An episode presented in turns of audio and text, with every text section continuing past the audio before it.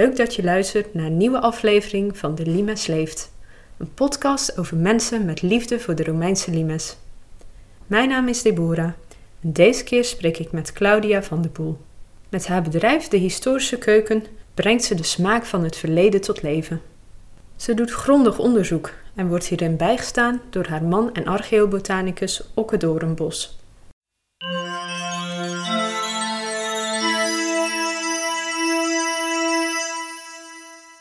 Mijn naam is Claudia van der Poel, ik ben culinair historica en ik heb het bedrijf De Historische Keuken opgericht om culinair historisch onderzoek te doen, kookboeken te schrijven en iedereen uh, kennis te laten nemen van de culinaire zaken achter het historieverhaal.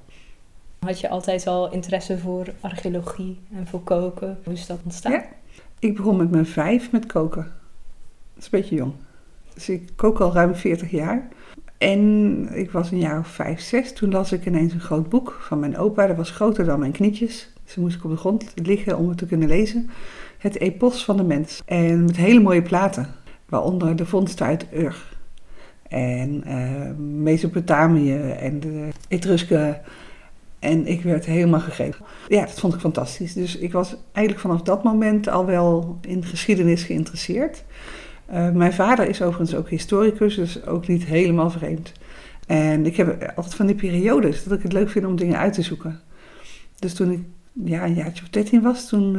Uh, nee, was ik nog wat jonger. Toen ik acht was, toen had ik zo'n Napoleon-tik. Toen heb ik een jaar lang alles over Napoleon gelezen. Ik wilde weten wie dat nou was en hoe zat het nou. En ja, tot en met volwassenenboeken ging ik ook gewoon lezen. Dat is helemaal niet lastig of zo.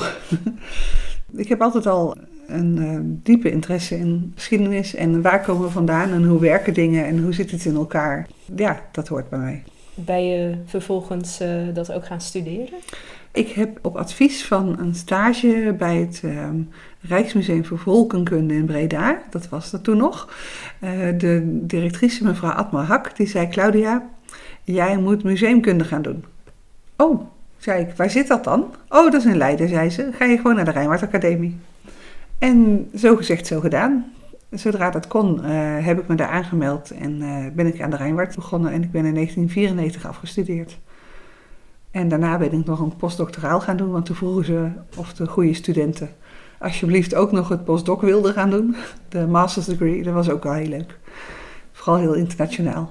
Dus mensen uit Botswana, uit Griekenland, uit Costa Rica, overal vandaan.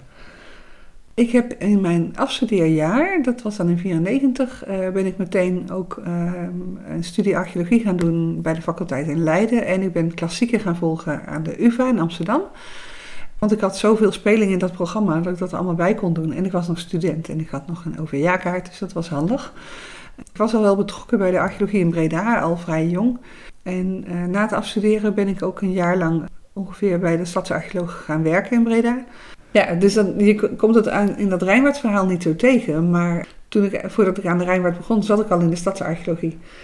Dus dat is eigenlijk ook daarna nooit meer weggegaan. En toen ben ik met de middeleeuwen begonnen, want in Breda had je heel veel middeleeuws. En ik ben heel langzaam naar de Romeinen afgedaald. Toen had ik wel zoiets van, nou, de Romeinen en de Grieken, maar veel verder ga ik wat dat betreft niet. Uh, omdat ik dat, ik ben erg blij met die bronnen. En als je dan kijkt naar culinaire historie, heb je dan botanische bronnen en literaire bronnen. En dan kan je dat heel leuk met elkaar al dan niet in overeenstemming brengen. Snap je? Dan kan je twee kanten bekijken. En dat vind ik met het prehistorische lastiger. Dus heb ik wel een grote voorkeur voor het Romeinse. Nee, dat is eigenlijk heel logisch. Ja. En vanaf wanneer is dat eigenlijk weer ingekomen? Dat je echt die botanische kant en dat, dat koken dus oh. bent gaan oppakken? Ik werd gevraagd voor mijn eerste uh, Romeinse buffet uh, door Tom Hazenberg. Er was een uh, prehistorische krano gevonden in Vlaardingen bij de Vergulde Hand. Echt een enorme boomstamkrano, echt een loeier. En er was een paar weken in de openstelling en wij kwamen kijken, we woonden daar min of meer om de hoek vanuit Schipluiden bij zo Vlaardingen. Zei ik, je moet wel wat doen om je mensen hier te houden. Het publiek vond het leuk, maar het was heet en er was alleen maar water en er waren toiletten en verder niks. Nou, dat knoopte ze in hun oren. En een paar weken later werd ik gebeld, vier dagen voordat de volgende openstelling was. Claudia, kan je even een buffetje doen? Doe maar prehistorisch, Romeins en middeleeuws of uh, wat je wil. Uh, doe maar van alles, voor een paar honderd mensen. Oké, ik had vier dagen. Nou, zo ben ik begonnen. Dus ik heb de handschoen opgepakt en een buffet gedraaid. Dat werkte heel goed. En dat was in september. Toen ben ik in januari naar de Kamer van Koophandel gegaan. Ik dacht, laat ik het maar officieel doen. Goed, ik besta nog steeds. ja. En inmiddels heb ik één kookboek op mijn naam staan en een tweede onderweg. Zo zeg je dat dan. En een paar artikelen geschreven en uh, heel veel uh, kooktechnieken getest en uh, goed veel ervaring opgebouwd. En dan vroeg jij, hoe kom je aan de archeobotanie? Nou, mijn man is archeobotanicus en wij zijn al 17 jaar getrouwd, dus dat is al heel lang een deel van mijn leven, zeg maar, dat hij dat doet. En het leuke is dat wij het er altijd over hebben.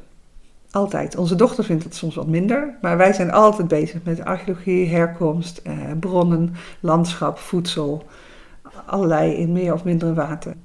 Toen ik dus die opdracht kreeg van Tom Hazenberg, toen heb ik meteen met hem overlegd van wat zou je dan daar wel kunnen doen. We hebben meteen rapporten opgezocht, zijn we gaan kijken en op basis daarvan hebben we buffet gemaakt.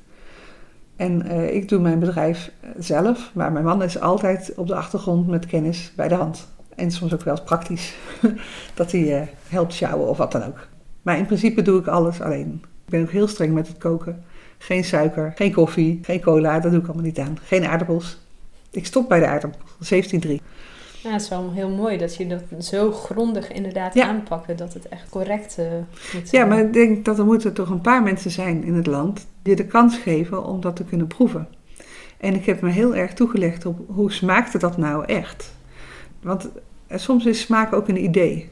Heel vaak zelfs. Ik hoorde vandaag nog op de radio, ja, dat middeleeuwse eten is allemaal grote hompen vlees en zus en zo. Nee, zei die mevrouw, die werd geïnterviewd, dat zijn geen hompen vlees. Uiteindelijk kwam het op neer, ja, ze aten wel veel vlees, maar in kleine stukjes. Ja, sorry, daarmee verander je geen beeld. Dan moet je zeggen dat de eh, inname van andere voedingsstoffen minstens 50% anders was. En wat was dat dan? En uh, je kan ervan uitgaan dat uh, maatschappijen uh, of samenlevingen nooit een 100% vleesproductie hebben om van te eten. Dat is voor niemand haalbaar. Dat kan je wel willen, maar het is gewoon niet waar. En over de Romeinse tijd is steeds meer duidelijk dat de soldaten een paar, paar keer per week vlees kregen voor extra kracht. Maar dat het op andere manieren de voeding werd samengesteld. Voornamelijk graan en groenten en op allerlei mogelijke manieren eiwitten, dus veel pulvruchten. Linzen, erwten, tuinbonen, kikkererwten. En dat is ook veel beter, want dat gaan is een trage energieverschaffer. Daar kan je heel lang mee doen. En als je moet lopen met pakking of je moet uh, zwaar sjouwen, is het best handig dat je langzame energieverbranding hebt. Daar zit wel een goed idee in. Dus ik kijk daar toch een beetje anders naar.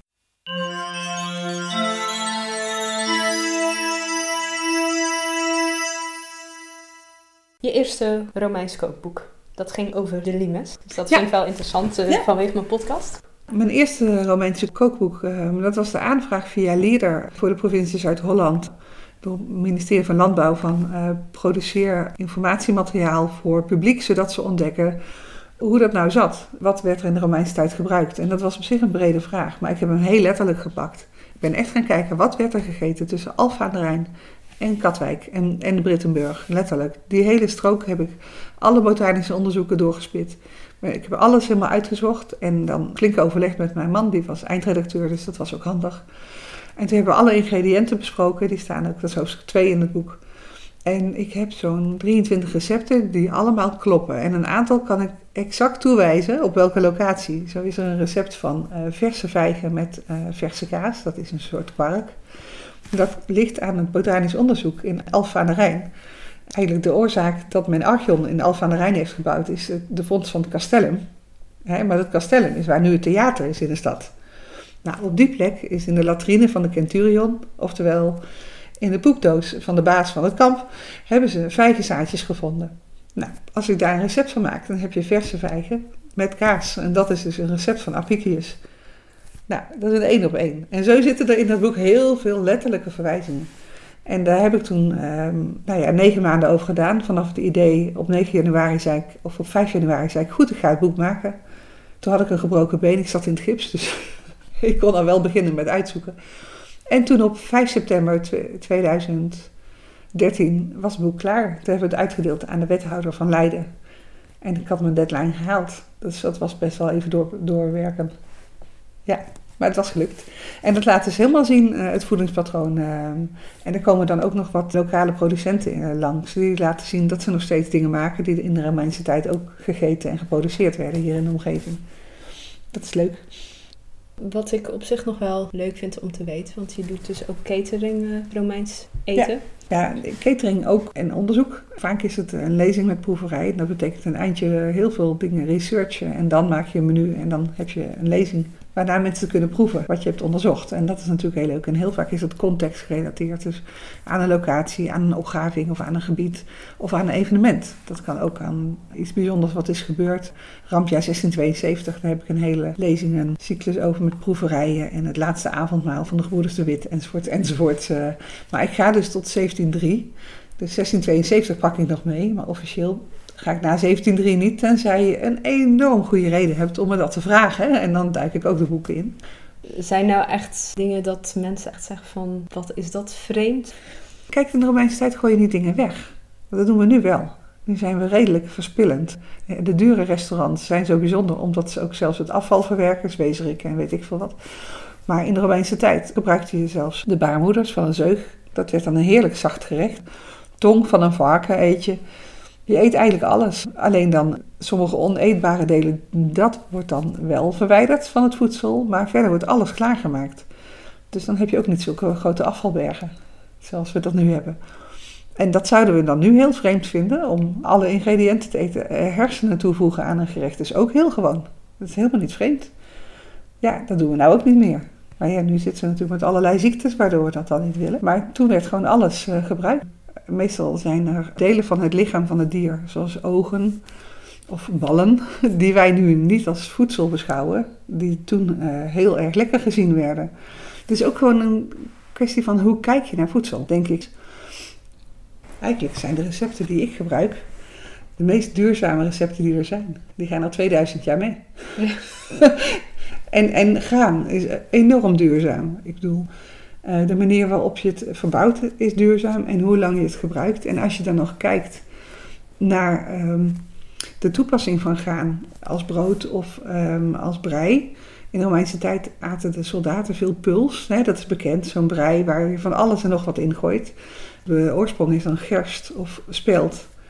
Of nou ja, niet broodtarwe, want daar maak je dan brood van. Maar, of emmertarwe.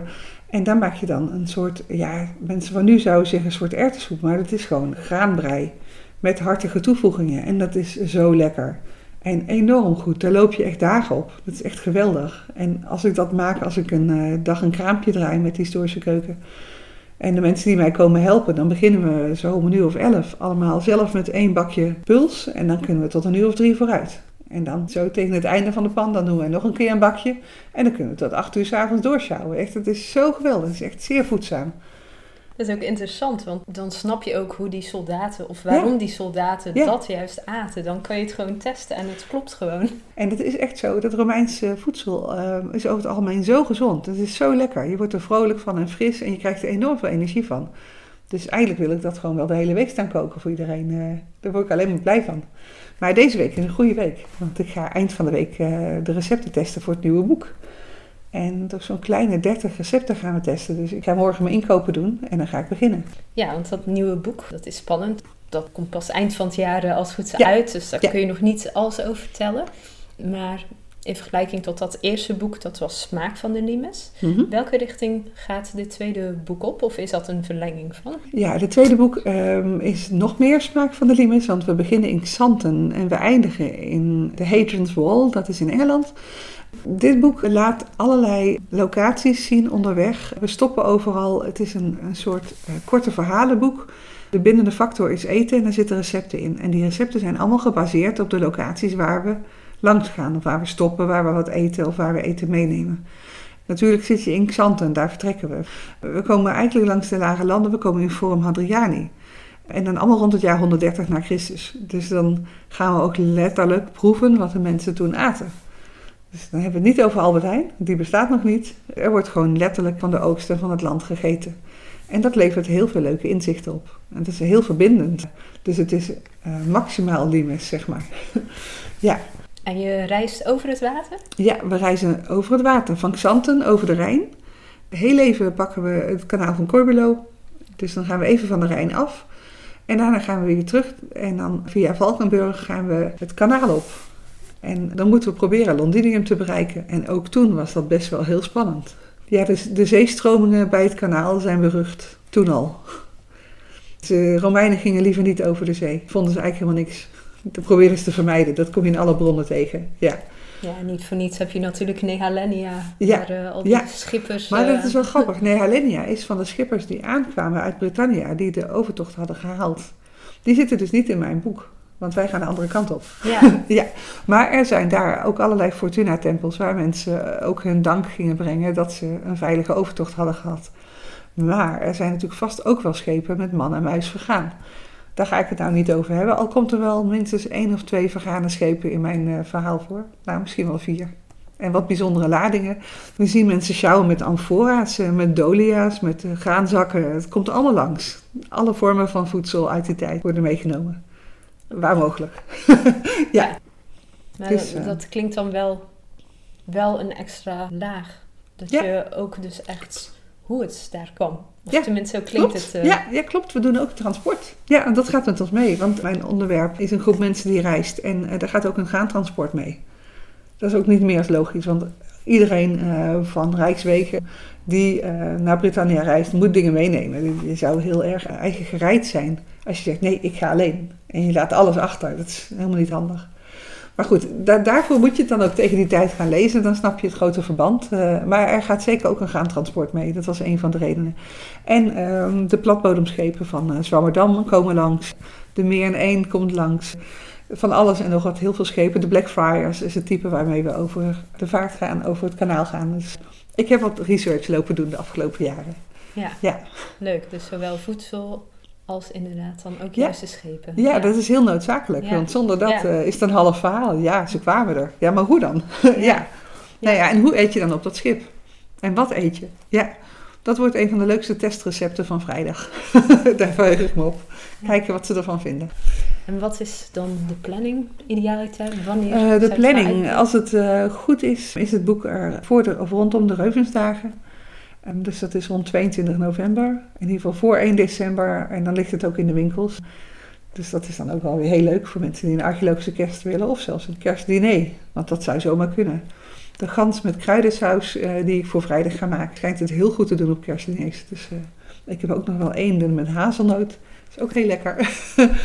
ja, er zijn eh, mogelijkheden genoeg wat dat betreft. Maar ik hoop dat ik tegen die tijd ook weer genoeg kans krijg om mensen te laten horen en proeven hoe lekker dat allemaal was.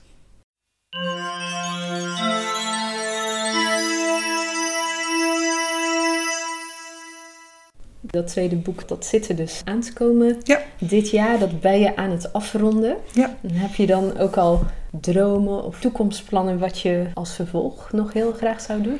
Ja, als eerste lijkt het me geweldig om dan die noordgrens van het Romeinse Rijk verder naar het oosten te volgen, richting de Karpaten. Dus dan kom je eigenlijk langs, ja, mi- midden dwars door Duitsland volg je de lijn. En dan ga je helemaal richting, ja, richting Roemenië, zeg maar, die kant op. Want ik ben zo benieuwd wat ik daar nog kan terugvinden. En ik ben zo benieuwd, nou kom ik daar ook niet zo heel vaak. Dus ik wil ook dan heel graag dingen over de opgravingen zien en kijken wat er over voedsel te vinden is. Wat ik nu nog in de samenleving tegenkom over voedsel. Daar heb ik echt, ik zit echt bijna te springen om daar aan te gaan beginnen.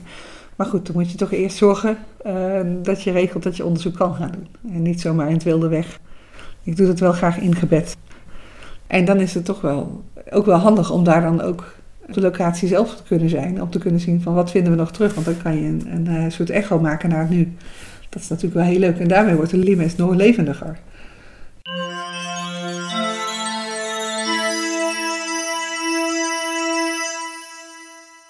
Ik ben ontzettend benieuwd naar het nieuwe kookboek van Claudia en zet 22 november alvast in mijn agenda. Volgende keer blijven we op het water. Ik spreek dan met Henk Vlot, die zich samen met zijn vrouw Irene tien jaar lang vol overgave heeft ingezet voor de stichting Romeins Schip Woerden. De schepen keren nu terug naar Utrecht. En Woerden verliest hiermee een bijzondere Romeinse attractie.